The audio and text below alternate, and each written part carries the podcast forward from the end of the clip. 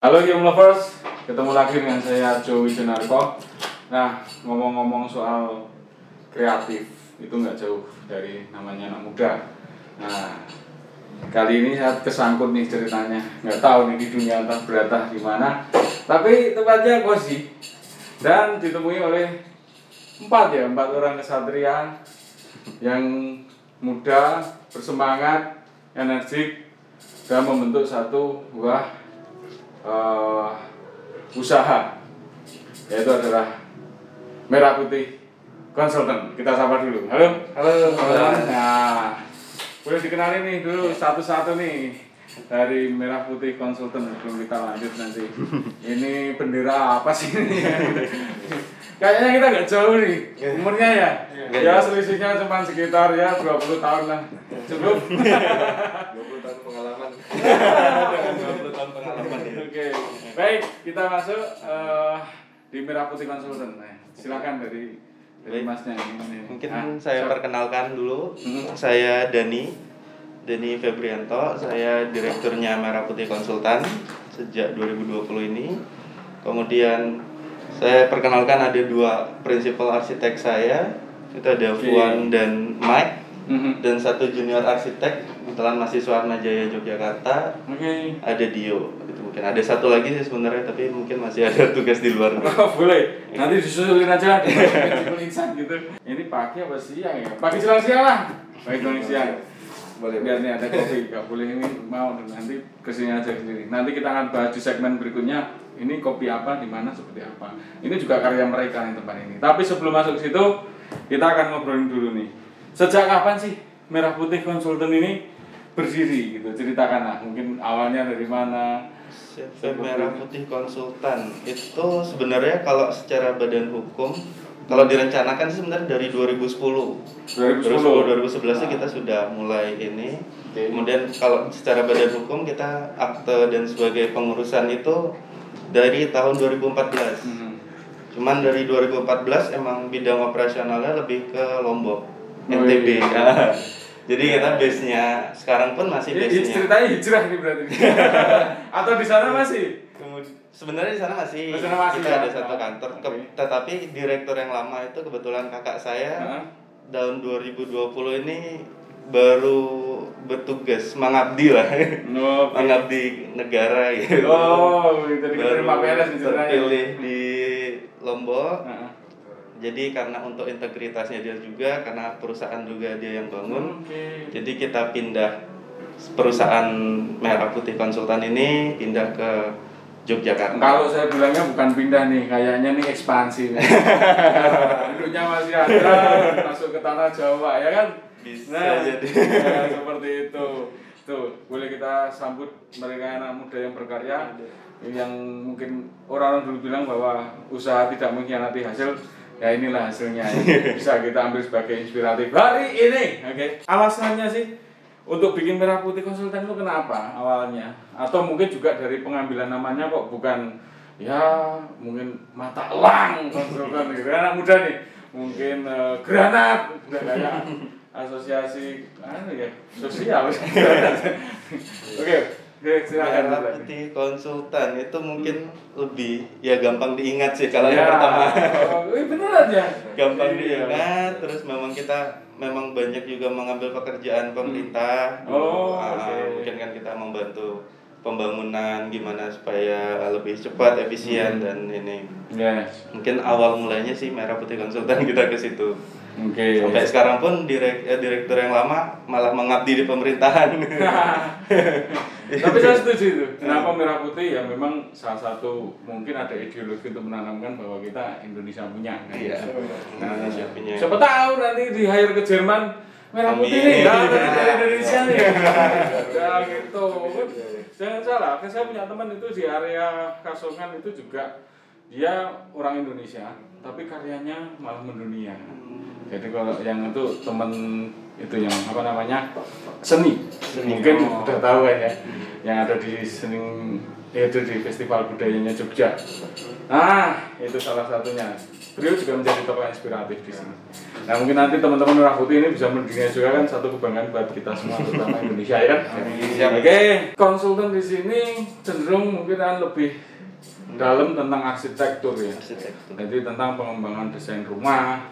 Jadi eh, baik dari nol sampai dengan selesai bahkan seperti itu siap untuk bisa mendeskripsikan orang mau bangun, bangun rumah model apa seperti apa model yang tren seperti apa bagaimana kan gitu. Kira-kira nih buat teman-teman nih salah satu inspiratifnya kenapa jadi alasan untuk bikin konsultan arsitek itu seberapa penting sih orang butuh jasa arsitek itu? Kenapa merasa yakin bahwa ini salah satu eh, unit atau usaha yang sepertinya akan dibutuhkan banyak orang kan gitu? Nah boleh disampaikan Kalau jasa arsitek sepengalaman kami itu mungkin ya masih banyak sih kalau yang belum belum terlalu mendalami atau mengerti apa sih arsitek yang kita tahu kan banyak kan Ya.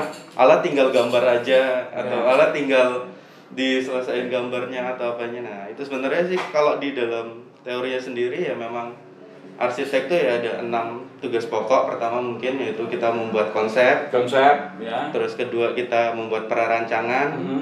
terus kita mengembangkan rancangan itu sendiri. Keempat itu kita sudah mulai masa konstruksi atau pengawasan berkala. Oke. Kita menggambar kerja Ya, kita selesaikan Hmm. secara teori baru kita ke masalah pekerjaan konstruksinya. Kita bisa mengawasi apa aja yang akan dibuat materialnya. Nah. terakhir ya pengawasan berkalanya itu. Oke, berarti dari satu dari satu. Dari situ berarti kita bisa tarik kesimpulannya bahwa orang itu bangun rumah itu nggak sesimpel punya tanah, material, Gambar. gambar terus jadi gitu nggak. Tapi memang kita yang belum banyak orang tahu memang kita membutuhkan sekali jasa arsitek. Kenapa? Bahkan dari eh, istilahnya biaya itu mungkin nih mungkin ya mungkin akan lebih terkesannya wah jasa arsitek sekarang mahal kan gitu. Cuman banyak yang nggak tahu ya kita eh, akan menjadi lebih mahal ketika perhitungan rumah anda itu meleset. Nah itu kan ya kan wow bu- apa namanya jasa arsitek misalnya dapat eh, harga berapa nih paling murah berapa? Kita contek paling murah berapa nih? ya nggak ada yang murah sih Berarti memang gambarnya keren-keren. Nah, katakanlah 50 juta nih. Ya, dari budget 150 juta, ternyata jasa arsiteknya sendiri 50 juta. Tapi kita nggak tahu bahwa ketika kita membangun rumah itu kan kayak rantai ya. Kemudian nam- nambah, nambah ini, nambah itu, apalagi tanpa panduan dari teman-teman arsitek. Akhirnya bisa jadi sisanya itu malah berbentuk barang yang lebih dari 50 juta. Nah, itu yang perlu kita sadar. Seperti itu kan ya? Ya, Nah, mungkin bisa saya tambahin juga Nah. banyak yang menganggap arsitek itu kerja hanya sampai gambar. gambar Hmm. Jadi emang kita sih banyak menyayangkan kontrak arsitek itu ada banyak tipe. oke. Pertama tuh mungkin meter persegi Hmm. atau dia jualan per meter persegi. Nah itu mungkin dari pengalaman saya dari zaman kuliah atau apa kan mungkin kenapa sih kontraknya meter persegi? Itu sebenarnya kami sih nggak nggak sampai segitu. Hmm. Karena kalau kontraknya meter persegi berarti kita punya ke tanggung jawab kita selama gambarnya sesuai dengan meter persegi itu tanggung jawab kami selesai. Iya. Padahal Oh. secara arsitektural tugas kita itu sampai ruang itu bisa menjawab apa yang, Jadi yang dibutuhkan. Iya. Jadi kan makanya kontrak kami lebih senang kami itu main man atau kita dijasa per bulan atau berapa bulan dari masa rancangan. Hmm. Jadi kita nggak nggak kita nggak nggak menyangkal misalnya ada revisi di tengah. Ya. Oh silakan, Silakan. karena kan di tengah itu ada kendala masalah apa di lapangan, ada kendala masalah apa, kita tetap bekerja. Ya. Jangan sampai si owner ngerubah sendiri. Iya. Itu yang Oke. yang kadang kita sayangkan di lapangan si owner ngerubah sendiri, si ruang nggak bisa menjawab. Iya, bisa Apa jadi malah perhitungannya beda. Jadi Iya. tanah bebannya 100 kilo, nah saya yang naik ukurannya 120 kilo kan rumah rusak. Makanya tanggung jawab kita sebenarnya nggak nggak hanya sampai meter persegi bangunan Ya, itu oke. kita sampai barang itu terjawab semua yang dibutuhkan sama si owner Nah, teman-teman Gium Lover bisa mencatat dan menggarisbawahi hanya di merah putih itu pertanggungjawabannya enggak hanya sampai dengan bidang yang dikontrakkan, tapi mereka punya salah satu komitmen ya istilahnya Iya, ya, benar. itu bisa menjawab kebutuhan dari para klien itu sampai dengan finish sesuai apa yang menjadi harapan mereka. Soal harga katanya sih bisa lah. gitu kan ya. Tim kreatif. Iya, ini masuk ke bidang curhat nih. Yang paling sering ruwet gambar siapa nih dari bertiga atau berempat nih? punya job desk masing-masing. Oh, iya, masing-masing. Jawaban aman. Karena ada mungkin yang lebih fokus ke desain, Ya. yang fokus ke gambar. Oke. Nah, Saling saya- backup sih kita. Siap mas, saya kalau curhat nih saya di bidang pekerjaan saya itu ketika punya ide saya pasti keluyuran Tapi positif loh ya, iya. sampai, nggak sampai pagi Tapi sampai siang harinya lagi Oh iya. Iya. Nah buat teman-teman nih eh, Kira-kira kalau sedang misalnya nyari ada klien nih mas saya mau bikin rumah. Jadi saya cuma ngomong saya mau bikin rumah yang bisa eh, masuk di situ temanya klasik tapi juga ada unsur touchingnya modern. Nah pasti teman-teman kan harus menjawab pertanyaan tadi. Ke mana ide-ide itu bisa didapatkan teman-teman? Jadi mungkin bisa jadi interaktif teman-teman juga di rumah atau teman-teman game lover semuanya eh, satu key point biasanya starternya itu adalah ide kreatif nah nih boleh curhat nih siapa yang paling tekanannya tinggi boleh angkat tangan mungkin ya. nah nanti biar dikasih bonus paling banyak kan desain oke silakan Kalau soal ide dapat dari mana biasanya kan kalau misalnya pertama kita harus tahu dulu eh, klien pengennya apa. hmm. Jadi ke keinginan klien kita jawab melalui ide-ide. Nah untuk mencari ide itu sendiri biasanya kita kayak biasanya eh, paling penting itu pertama dari konsep ruang yang secara eh, garis besar. Kalau si kliennya pengen eh, bangunan minimalis misalnya, minimalisnya kayak apa sih? Ada eh, ada yang kayak kontemporer, zaman Mhm. sekarang kan ada kontemporer, terus ada eh, Japanese, kadang Mhm. nah, seperti beberapa ya proyek kita itu ada kayak Japanese kontemporer. oke Nah, terus uh, idenya sendiri pertama kita cari mungkin lebih ke uh, pendalaman referensi Hmm. lama. Karena uh, referensi dari apa beberapa tokoh arsitek lah biasanya. Soal-soal gaya style terus habis itu kita jawab biasanya kalau saya melalui sketsa. Mas ya sketsa. Oh, oke. saya lebih suka sketsa-sketsa terus habis itu eh, dibandingin eh, alternatif satu dua sampai beberapa alternatif pilihan ya Nah, tadi betul. Terus habis itu baru kita diskusiin secara garis besar sama tim Oh. Nah, ide itu bisa digali oleh teman-teman ya. Dari baik referensinya bisa nanti jalan-jalan misalnya kan yang kedua ada internet seperti itu. Lalu yang paling penting adalah bagaimana menyatukan ide ini menjadi sesuai harapan klien lagi. betul Nah, seperti itu. Hanya di merah putih ini bisa menjawab ada banyak pilihan, nanti biar nggak salah tembak kan ya.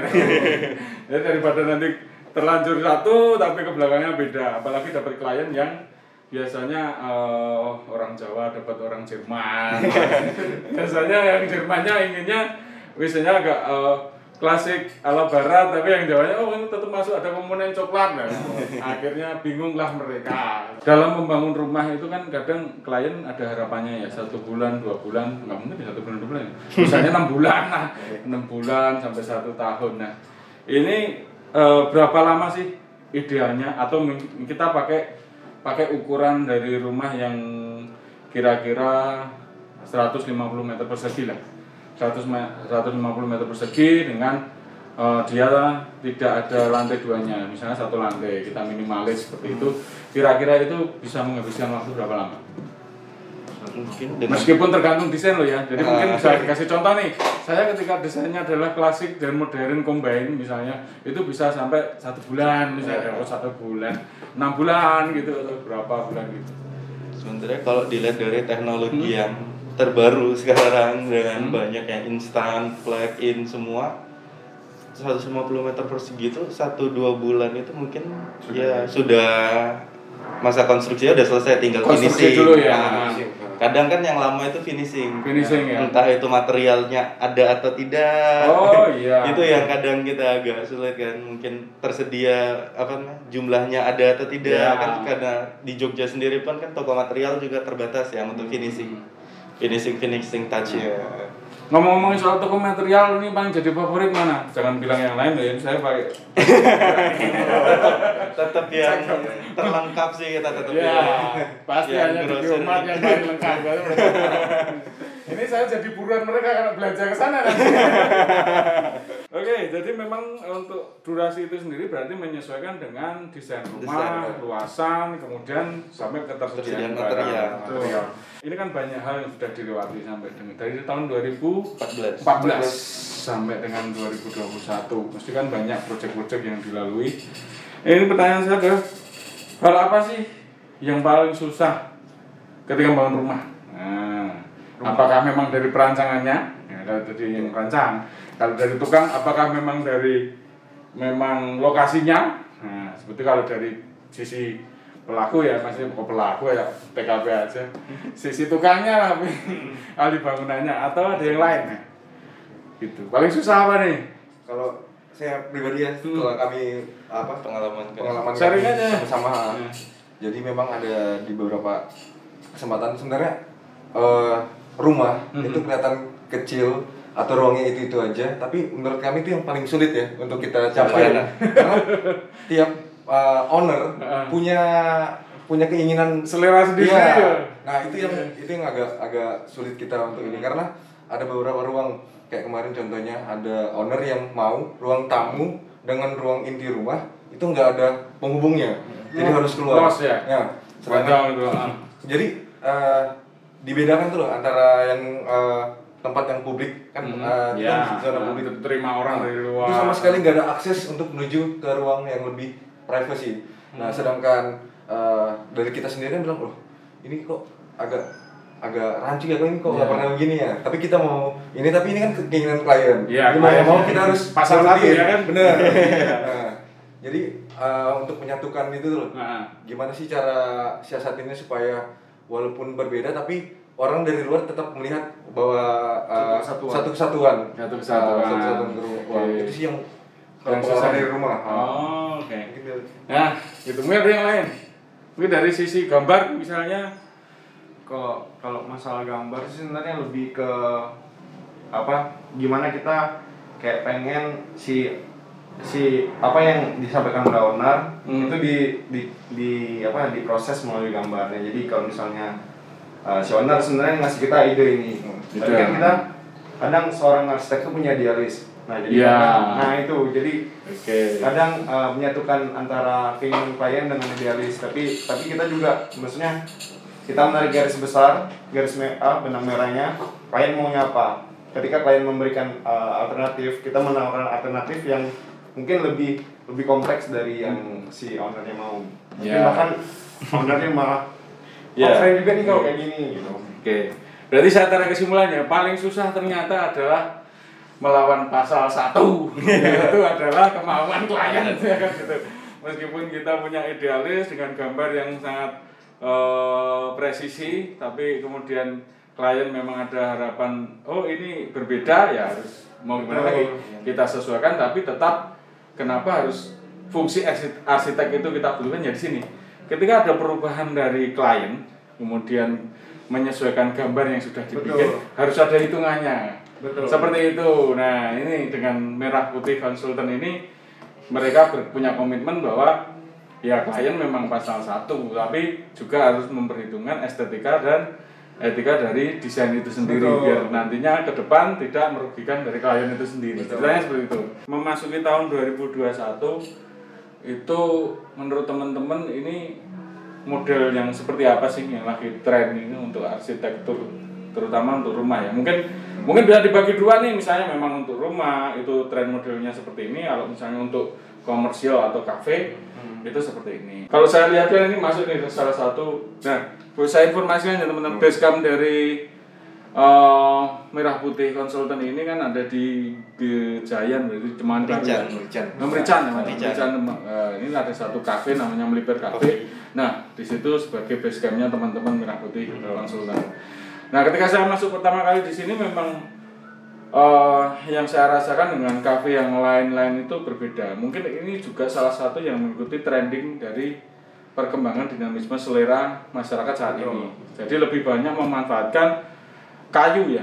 Ya, Kayu. unsur Kayu, kayu. unsur Finishing- kayu finishing kayu. yang dikombinasikan dengan warna putih lalu bisa dilihat ceilingnya itu masuk ke modern jadi eh, istilahnya kalau dibilang bisa jadi kayak ini apa namanya aku lupa yang ala Eropa itu Javanese sih lebih ke Jepang, Jepang sih, ya. Jepang. nah, Kondisi kontemporer. oh kontemporer ya maksudnya ke Kontemporer. selera kontemporer tuh, seperti itu. Nah itu justru jadi trending saat ini ya. Karena saya lihat juga banyak sekali sih. Kemarin kita juga tur ke beberapa hotel mereka jadi masih mempertahankan unsur kayu. Mungkin karena terutama ini berada di wilayah yang Jogja punya gitu. Ya suasananya itu masih ke bawah gitu loh. Nah apa sih request yang paling banyak dari klien? Kalau diskon pasti. Ini habis ini kan teman-teman ke Umat juga pasti request ke saya ada diskon. Dari hati saya mau sembunyi. Oke men? Kalau mas Karim marah men ya kan?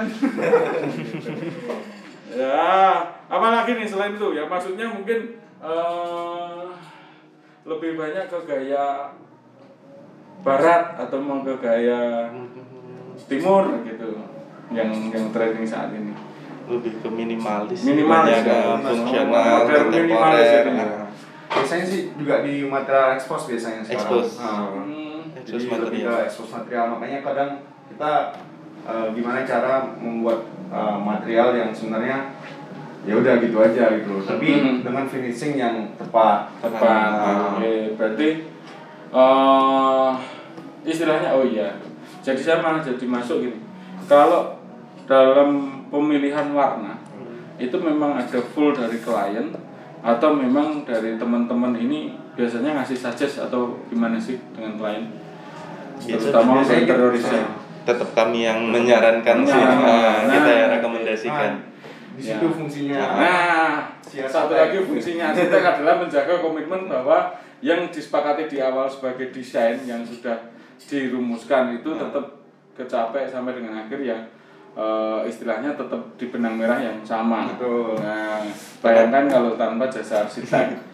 Karena Berarti yang pemilihan depan warna- warnanya merah, ke belakang ke belakang jadi warnanya di belakangnya biru. Ini kan enggak masuk kan seperti itu. karena kan memang sudah ada risetnya sendiri teorinya kalau kita Betul. fungsi ruang A warnanya apa, Apa? namanya se- harus yang bagaimana fungsi Ya. ruang B itu kan berbeda-beda jadi Nah, ya itu sih yang kita mencoba Nah, itulah. edukasikan ke kliennya gitu kenapa eh, jasa arsitek ini sangat penting ya dalam pembangunan sebuah rumah. Banyak sekali proyek yang sudah dikerjakan.